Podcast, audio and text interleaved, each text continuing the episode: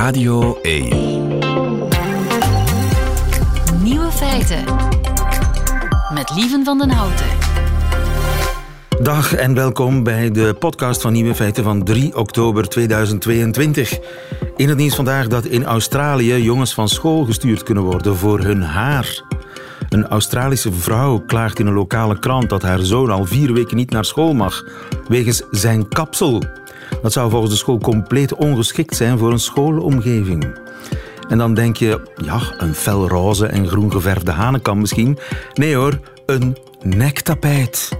Extreme kapsels zijn verboden op school en een nektapijt is een extreem kapsel volgens die school. En het is al het vierde nektapijt dat is weggestuurd. Hmm. Misschien moeten we dat bij Radio 1 ook eens invoeren. De andere nieuwe feiten vandaag. De Nobelprijs Geneeskunde die gaat naar de man die het genoom van de Neandertaler in kaart heeft gebracht. De BBC stopt met radio in het Arabisch. Midden-Oostenkenner Mesht Khalife die is ermee opgegroeid met die Arabische radio van de BBC. In Oost-Oekraïne zitten de discotheken vol, ondanks of juist dankzij de nucleaire dreiging. En het is nu wetenschappelijk aangetoond, een flinke wandeling in de natuur is goed voor uw mentale gezondheid. De nieuwe feiten van Raf die hoort u in zijn middagjournaal. Veel plezier. Nieuwe feiten.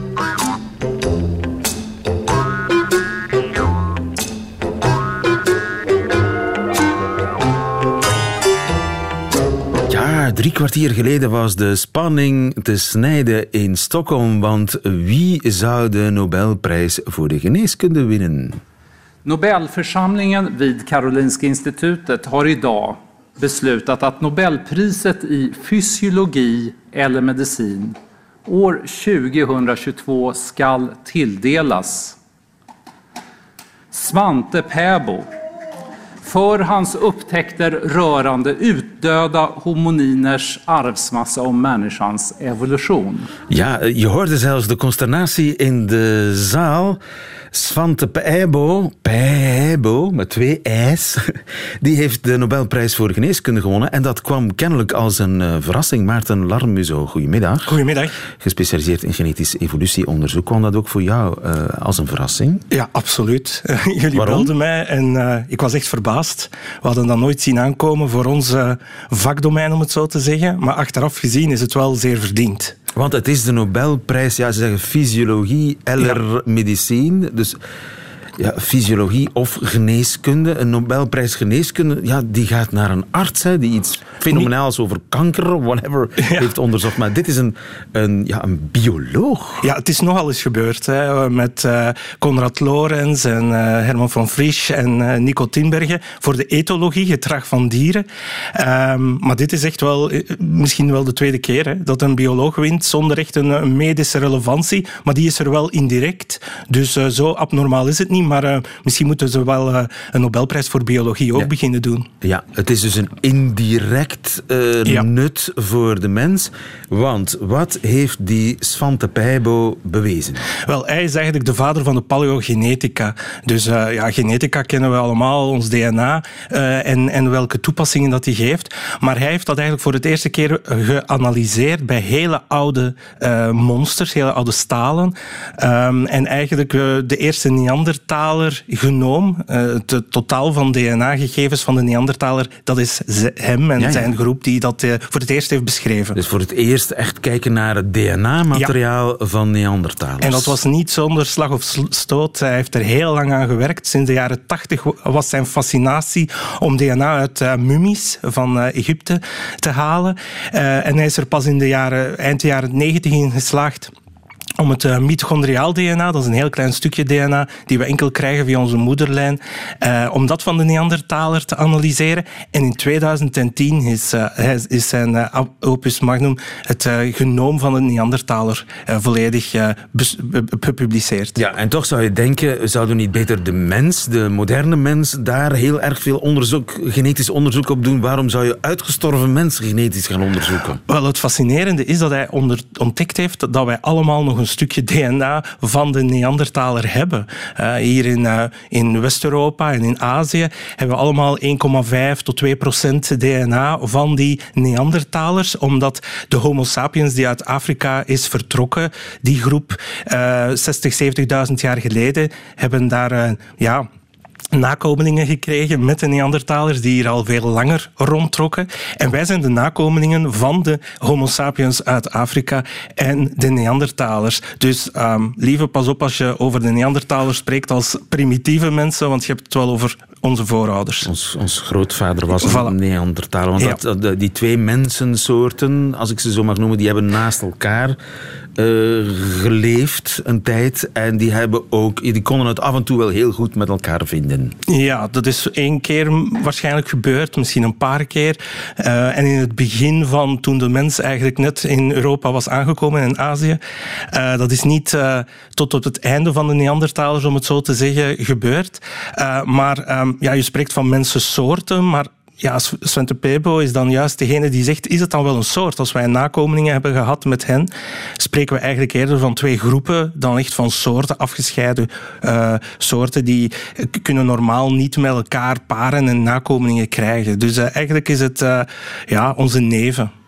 Dus de, hij heeft de Neandertaler dichter bij de Homo sapiens gebracht. Ja. En eh, schieten we daar nu vandaag, behalve om die wetenschap, dat is natuurlijk heel interessant, maar schiet ik daar vandaag iets mee op? Ja, absoluut. Want die 2% die wij hebben, uh, wij, gemiddeld hier in Europa, die hebben eigenlijk ook wel absoluut uh, ja, invloed op onze gezondheid. En een van de publicaties tijdens corona was van Svente Pebo dat hij een bepaalde genetische variant had die uh, of gevonden had, uh, die wij eigenlijk gekregen hebben door die hybridisatie, door die, uh, ja, die, die, ja, die samenwerking, zal ik het maar Seks zeggen. kun je het ook noemen. Ja, ik kan het ook zo noemen.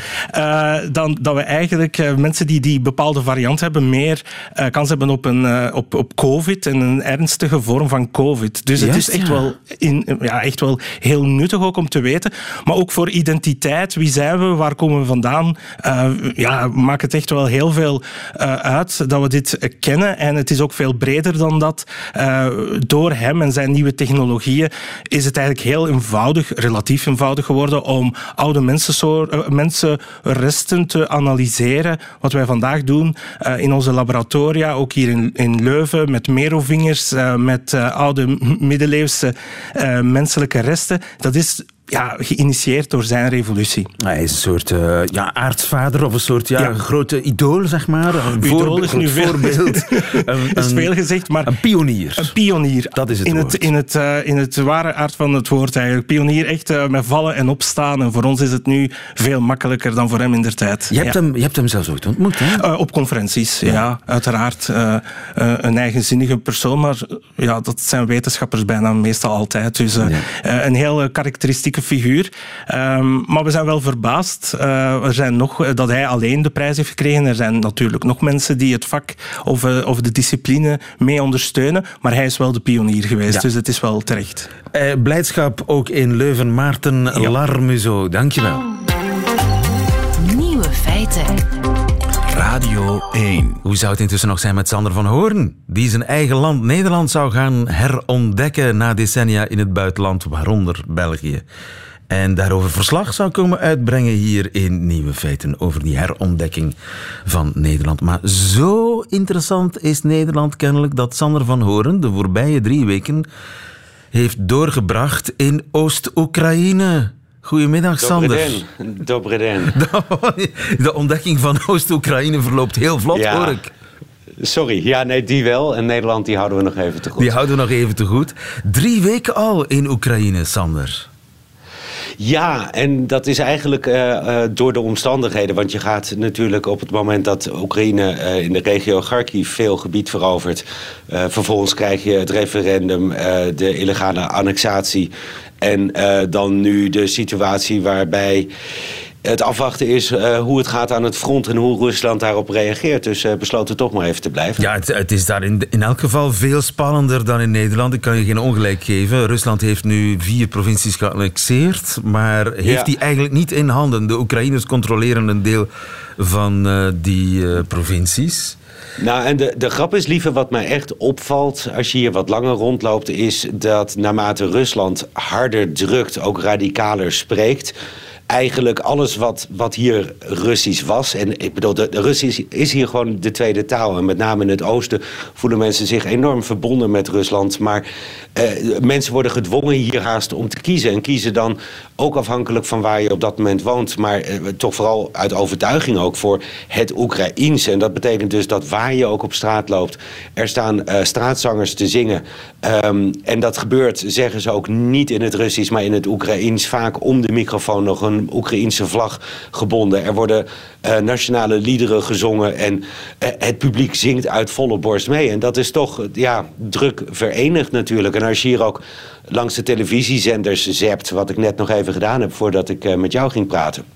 Ja. Dan zie je dus dat 24 uur per dag het nieuws van het front, dat de muziekzenders daar, daar ja, uh, er was net We Are Ukrainians, zeg maar. Dat alles wat maar een beetje over Oekraïne gaat, met veel vlagvertoon, dat scoort een hit. bekende artiesten die opeens hun repertoire verleggen en oude of nieuwe Oekraïnse liederen gaan zingen. Nou, de muziekzender, ik heb hem op de achtergrond aanstaan, die is even overgeschakeld op een soort reclame. en dat is dan reclame voor t-shirts en truien met Oekraïnse vlaggen erop. Met het schip bij Slangen eiland. Ik bedoel, je ontkomt er niet aan. Ja, het, uh, het, wordt alleen maar Oekraïners. Is dat e- even grote propaganda als wat de Russen te zien krijgen? Is dat even onbetrouwbaar, die informatie die dan over de militaire successen wordt gegeven? Ja en nee. Uh, tuurlijk is dat een lastige vraag, want um, hoe meet je betrouwbaarheid op het moment dat je uh, te maken hebt met zo'n land waarbij uh, patriotisme de boventoon voert. En waarbij je ook nooit echt zult weten wat je niet ziet. En dat, dat is een lastige tankconstructie in de taal. Maar kijk, ik, ik probeer me altijd wel bewust te zijn dat ik uh, aan de ene kant. Hè, dus, dus het is een relatief vrij land. Ik kan op heel veel plaatsen komen. Ik kan op heel veel plaatsen komen met het leger, maar daar me dan toch weer aan onttrekken en vrij mijn gang gaan. Ik heb voldoende terloopse contacten uh, om uh, te denken dat ik in elk geval een objectief beeld kan schetsen. Maar er zijn plaatsen waar ik niet kom. Er zijn mensen die ik niet spreek. En dat moet je altijd in je achterhoofd houden. Hè? Dat er dingen zijn die je niet weet. En wat is daar dan van het effect? En in de Oekraïnse media, ik bedoel, als ik even een stukje verder zou zeppen, dan zou ik langs een aantal nieuwskanalen komen.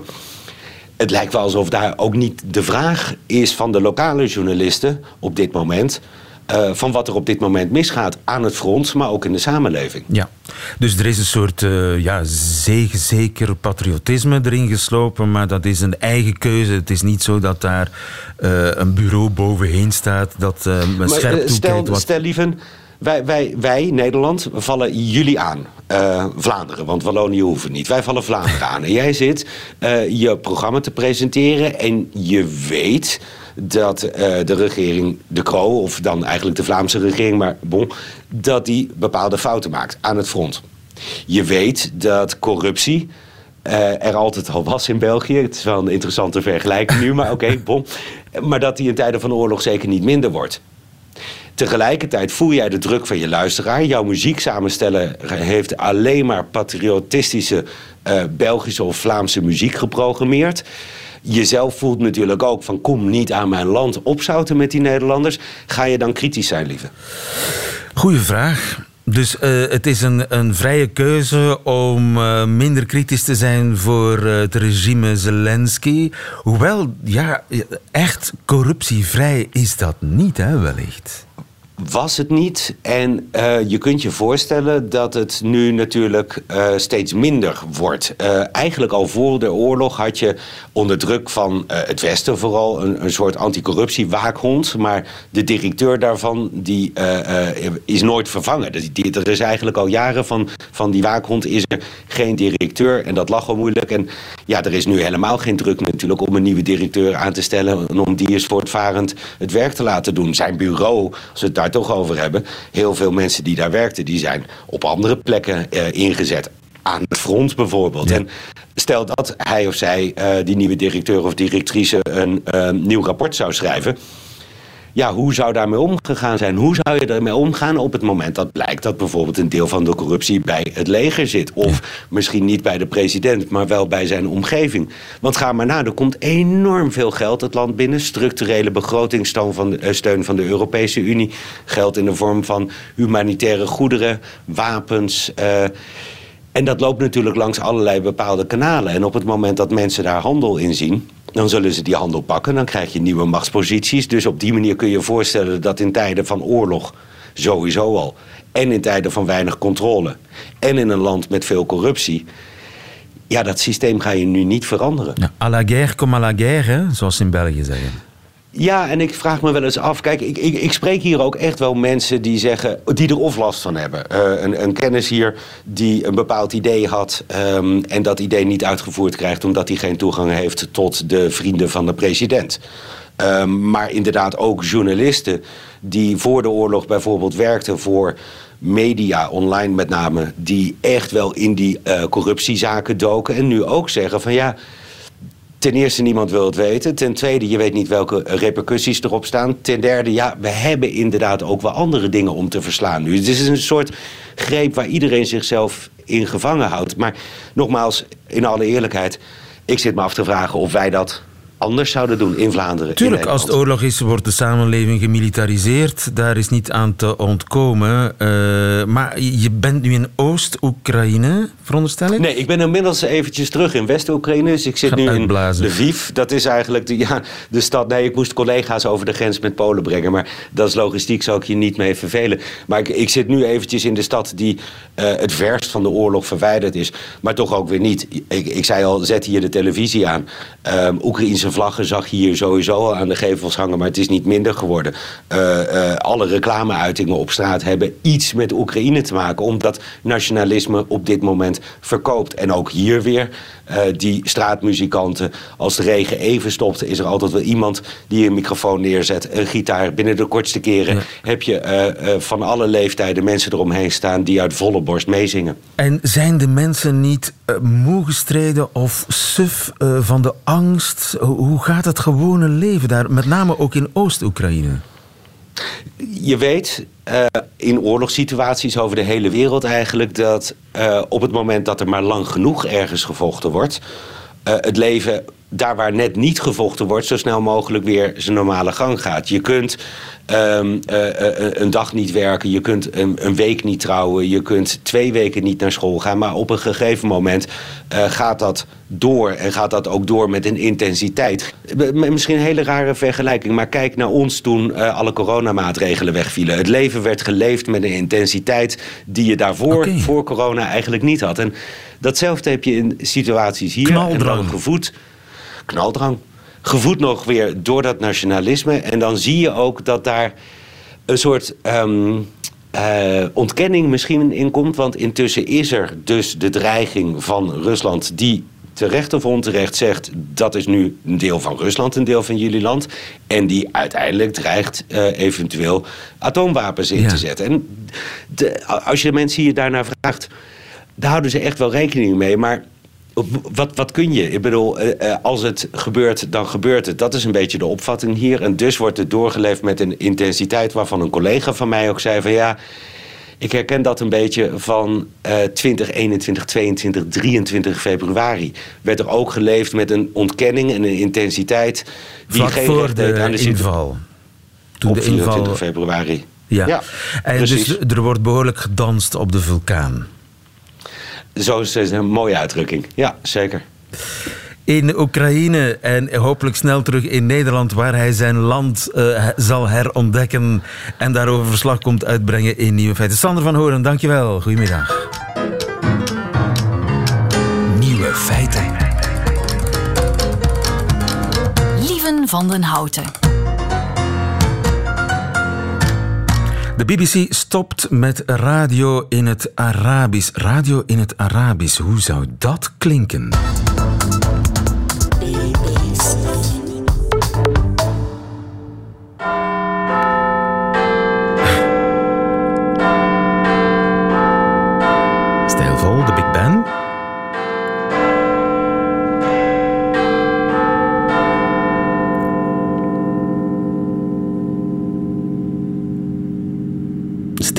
Stilte op de Arabische radio. Zou er nog iets komen?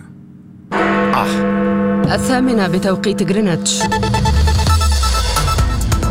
أهلا بكم في نشرة جديدة من بي بي سي إليكم أبرز العناوين البرازيل تتجه نحو جولة إعادة للانتخابات الرئاسية بين الرئيس السابق دا سيلفا والحالي بولزنارو Bolsonaro, Brazil en Da Silva. Ik heb het allemaal eh, enigszins... Wie het echt helemaal begrijpt is natuurlijk Mesht Khalifa. Goedemiddag, Mesht. Goedemiddag. Hallo. Jij maakt je heel erg druk over het verdwijnen van uh, BBC Arabisch. Ja, ja en elk, um, elke ruimte, elk uh, venster naar een ja, toch wel een op, soort objectieve berichtgeving is nog altijd broodnodig in de Arabische wereld. Dus als zoiets uh, als BBC Arabic verdwijnt, ben ik altijd teleurgesteld.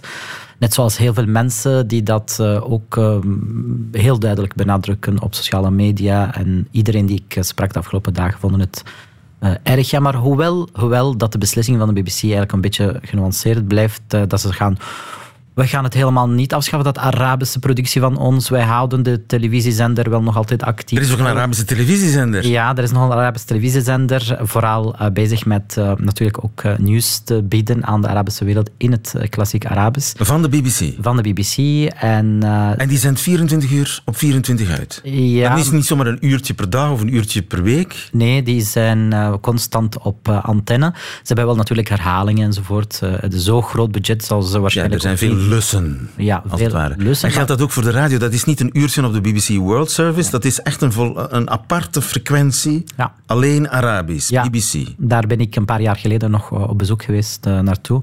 En waar zitten die? Uh, die zitten op hetzelfde gebouw, op uh, de Londense Rijenslaan 52. Ja, ja. Is het, uh, dus echt hartje Londen, in het ja. grote gebouw ja. van de BBC. Bij de BBC geraken we niet, maar wel bij Lieven Buissen. Dat is bijna BBC. Goedemiddag, Lieven.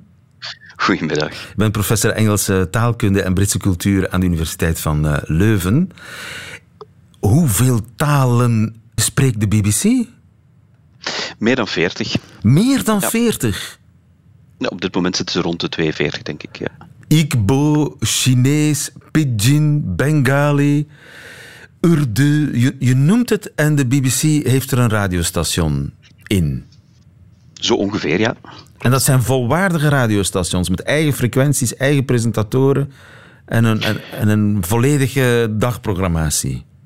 De programmatie die durft wel eens te wisselen, die is niet altijd volwaardig. Soms um, um, zendt men maar een paar uur origineel uit en de rest gaat, zoals je daarnet zei, in een lus. Um, maar heel veel nieuwsbulletins bijvoorbeeld uh, komen daar echt wel in aan bod. Ja. ja, ja, en dus die worden allemaal gemaakt in Londen? En vandaar ook uitgezonden op de, hoe heet dat, uh, korte golf, hè? Vroeger ja. uh, luisterden wij daar ook naar. Is een beetje uit de mode geraakt in onze streken, de AM, korte golf. En die gaat de wereld rond. Die gaat de wereld rond, ja. En waarom stoppen ze daarmee? Uh, geld. Besparingen, is zo heel eenvoudig simpel, is dat. Geld. Waarom zijn ze daar in de eerste plaats mee begonnen met uit te zenden in meer dan 40 talen?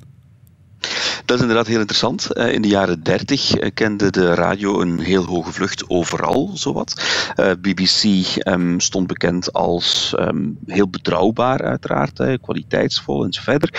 Um, en in eerste instantie is men al begonnen, 1932, met uitzendingen in het Engels over zowat de hele wereld. Maar dat was binnen het Britse Rijk. Men zond uit naar Australië, naar Canada, naar een groot deel van Afrika, naar India. En daar was het eerder bedoel, bedoeling om uh, de blanke Britten die daar woonden te bereiken in hun eigen taal, om hen een thuisgevoel te geven en tegelijkertijd ook al een beetje tegenwicht te geven met betrouwbare informatie tegen propaganda die er kwam op dat moment al van heel veel lokale groepen die um, zich, uh, zich wilden verweren tegen de Britse bezetter of andere koloniale mogendheden die, uh, die daar rond zaten en die ook wel hun oog hadden laten vallen ja. op um, die lucratieve gebieden uiteraard. Maar dat was, maar dat was nog allemaal voor het, in het eigen Engels. volk bedoeld in het Engels. Ja. En dus op een gegeven moment zijn ze overgeschakeld op de lokale talen. Waarom? Wel, in eerste instantie niet eens op de lokale talen binnen het eigen ehm, Britse Rijk. Ehm, men is zelfs in eerste instantie gaan kijken naar talen zoals het Arabisch. Arabisch was het eerste eh, niet-Britse ehm, publiek dat men, of, of de eerste niet-Britse taal die men eh, heeft gelanceerd. En de reden daarvoor was eigenlijk heel sterk politiek. Omdat men zag dat andere mogendheden dat ook begonnen te doen. Bijvoorbeeld, um, Italië begon in het Italiaans uit te zenden naar het Midden-Oosten. Um, een plek waar de Britten op dat moment heel sterke belangen hadden, uiteraard. Um, en men merkte dat dat heel sterk propagandistisch was om daar tegenwicht tegen te bieden, wou men zelf gaan uitzenden. Dus je vermoedt daar echt wel een sterke uh, politieke agenda achter. Maar tegelijkertijd uh, is ook wel de redactionele onafhankelijkheid van die hele World Service vastgelegd. Mest, je hebt er vaak naar geluisterd. Is het objectieve BBC-waardige informatie die wordt gegeven? Ja, vandaag, als ik uh, onderweg ben naar de VRT, ging ik de afgelopen jaren vaak ook BBC beluisteren. Niet omwille van het tekort aan nieuws hier op de VRT of in het Westen waar ik zit, maar om een venster, zoals ik zei, een soort objectief venster aan de Arabische wereld te kunnen um, bekeken, observeren, beluisteren.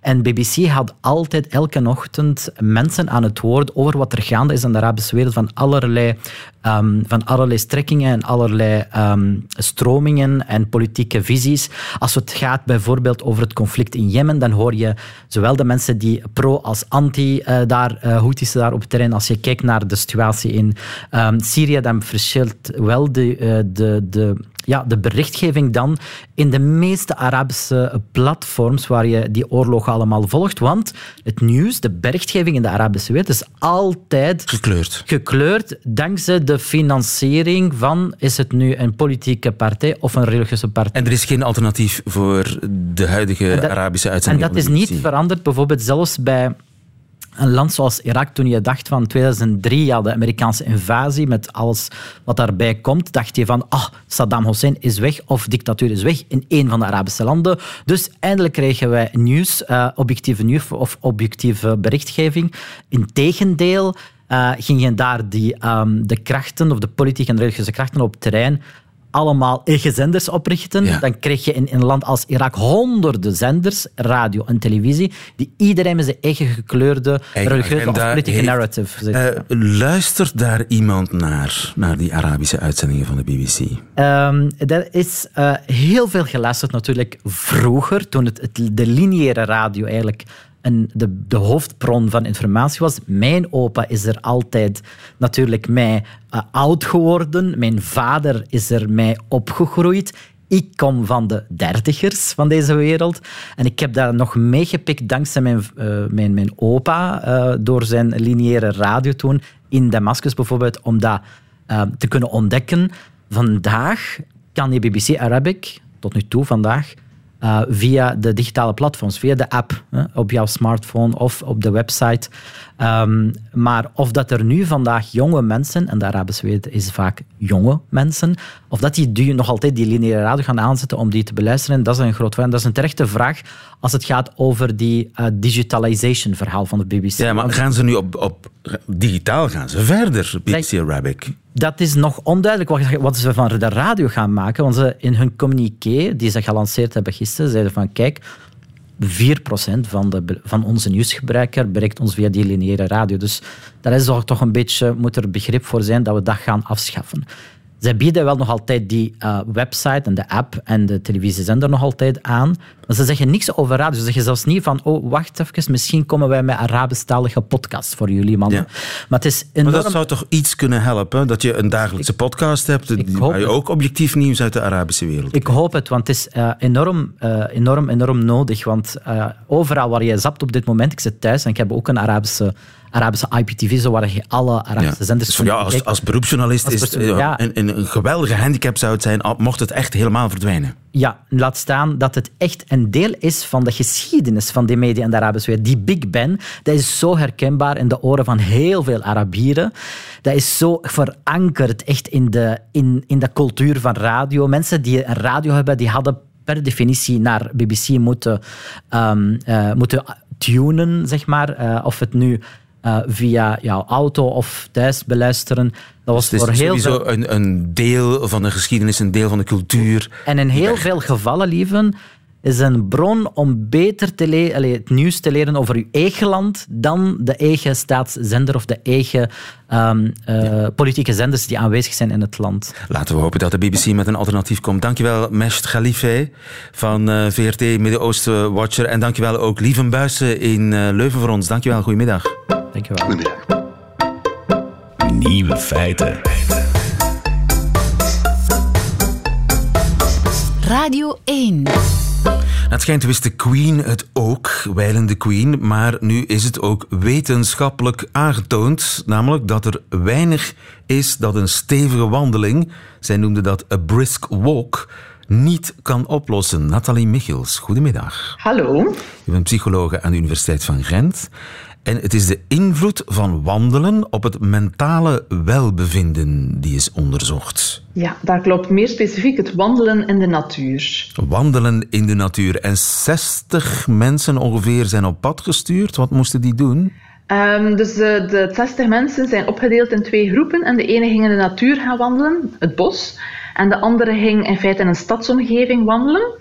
En zowel voor als na de wandeling werden metingen uitgevoerd om inderdaad die hersenactiviteit te gaan meten. Ah, dus ze kregen geen uh, high-tech helmpje op om tijdens het wandelen hun hersenactiviteit te meten. Dat vind ik wel jammer. Nee, de meting is er voor en erna gebeurd. Uh -huh. En wat krijgen we dan te zien op die scans? Dus de activiteit in de verschillende hersengebieden. En uiteraard, het topic is hier stress. Dus hebben zij ook gefocust op stressgebieden. En de amygdala is een specifieke structuur in de hersenen die heel relevant is voor emoties, als we boos zijn of angstig zijn. En zij zagen dat de natuurwandelaars minder activiteit gingen krijgen in dat emotioneel centrum, terwijl degenen die in de stadsomgeving gingen wandelen in feite geen vermindering hadden door de wandeling op zich. Ja, en dus nu is het voor eens en voor altijd wetenschappelijk aangetoond dat in de natuur wandelen stressverlagend werkt. In de stad wandelen doet dat niet. Ja, het, het vernieuwende aan dit onderzoek is dat we echt in een reëel leven zijn gaan wandelen en waarbij ze ook alles zo veel mogelijk gelijkaardig hebben gedaan en degenen die de natuur gingen of degenen die in de stad gingen. En dus op dezelfde manier um, van, van temperatuur, het aantal mensen dat ze tegenkwamen. Uh, waardoor we echt wel kunnen iets kausaal gaan uh, ja, uitspreken. Hè. Wat is de oorzaak, wat is het gevolg? Ja. En hebben we daar een verklaring voor wat er nu zo stressverlagend is aan de natuur en daarin jezelf wandelend voortbewegen? Ja, er zijn in feite twee theoretische uh, aspecten. Het ene is onze aandacht. Uh, dus een natuurlijke omgeving zorgt voor um, ja, een, um, een pauze in onze aandacht en niet te veel zaken die ons gaan verstoren, waardoor wij ook tot rust gaan komen. Dus dat is het ene Weinig deel. prikkels, of het aantal prikkels, uh, de frequentie van, van de nieuwe prikkels neemt af. Ja, inderdaad. En het is voor ons in feite uh, rustgevend, het is fascinerend, zonder dat we constant op ons goede moeten gaan zijn. En Alright. het tweede deel gaat echt specifiek rond stress. Uh, is in feite meer evolutionair dat wij ja, goed gedijen in een natuurlijke omgeving voor voedsel en ook voor ja, in in te leven. Uh, en dat zit wel nog altijd in ons, soms ook door onze ervaringen vroeger in de kindertijd. Vaak zijn dat uh, positieve ervaringen en de zaken in natuurlijke omgevingen. En daardoor gaan in feite die positieve emoties stijgen en gaan de negatieve emoties, zoals stress, ook gaan dalen. Ja, ja dus het is ook een, een overblijfsel van vroegere tijden. Nu, als ik niet naar buiten kan, werken kamerplanten in mijn interieur ook? Dat is inderdaad de volgende stap die we zouden kunnen doen. Uh, de eerste onderzoeken daarop zijn gestart, uh, maar nog niet zo uh, geavanceerd en nog niet zo heel um, gecontroleerd als dit type experiment. Maar de eerste studies tonen aan dat ook planten in huis stressreducerend kunnen gaan zijn. Uiteraard, ik zou dat niet ter vervanging gaan doen, want natuurlijk buiten de natuur, fysieke activiteit, uh, meer verstrooiing dat je gaat hebben, is nog altijd iets, ja, iets extra's. Maar plantjes binnenshuis kunnen wel zorgen voor rust. Ja. ja. En wind, hè? wind door je haar voelen. Dat uh, werkt ook okay. tijdens die wandeling ja. in de natuur. Nathalie Michels, dankjewel. Goedemiddag. Ja, dankjewel. Dag. En dat waren ze meteen de nieuwe feiten van 3 oktober 2022. Alleen nog die van Raf Njotea hoort u nu in zijn middagjournaal. Nieuwe feiten. Middagjournaal. Laatst raakte ik mijn uitschuifbaar parapluutje kwijt, op tram 24. Ik had het naast mijn rugzak op de grond gelegd, maar schoof het net te ver onder mijn stoel, waardoor het niet meer in mijn blikveld lag en ik er bij het afstappen dus niet aan dacht. Terwijl ik het mezelf nog zo wat ingeprent. Een paraplu is zo'n ding dat je ooit, ergens, sowieso vergeet. Dus niet vergeten zo meteen. Maar kijk. Wanneer ik besef wat voor misstap ik begaan heb, is de 24 alweer uit het zicht verdwenen. Ik vloek verslagen. Godverdomme. Ik probeer me voor te stellen hoe het ding wordt opgeraapt door zijn nieuwe eigenaar. Een oude havenarbeider in wiens forse handen de steel een rietje lijkt. Een sekswerker die er droog mee bij zijn volgende klant geraakt. Of de chauffeur misschien, aan het einde van haar shift. Op het hoofdkantoor gooit ze ding in de bak verloren voorwerpen, waar het twee weken blijft liggen tot een opportunistische collega het stiekem in zijn tas laat glijden. Ik probeer me voor te stellen hoe het ding de nieuwe eigenaar bij regenweer keer op keer van nut is. Tot ook hij het is laat liggen aan de natgelopen ingang van de koffiebar. Het moest een keer gebeuren. Maar daar is al een nieuwe hand. En later weer een nieuwe. En hop, zo danst die paraplu van hand naar hand, naar hand, naar hand. Soms zitten er weken of hele seizoenen tussen, maar soms gebeurt het ook de volgende dag al. Want een paraplu is zo'n ding dat je ooit, ergens, sowieso vergeet. Ik probeer me al die dingen voor te stellen, maar het lukt me niet. Ik ben te hard van streek. Niet dat dat uitschuifbaar parapluutje mij nu zo dierbaar is, ook al had ik het al lang. Nee, het ding is gewoon, ik ben zo niet. Ik ben niet iemand die verstrooid is, iemand die dingen kwijtraakt of vergeet. Sorry, maar het is gewoon zo. Ik weet altijd perfect in welke jaszak ik mijn sleutel steek. Het kaartje van de metro diep ik in een oogwenk op. Nooit laat ik per ongeluk mijn shampoo staan in de douche van het hotel. Mijn lader blijft niet hangen in een vreemd stopcontact. Het zal de regen zijn die mij een ander mens maakt.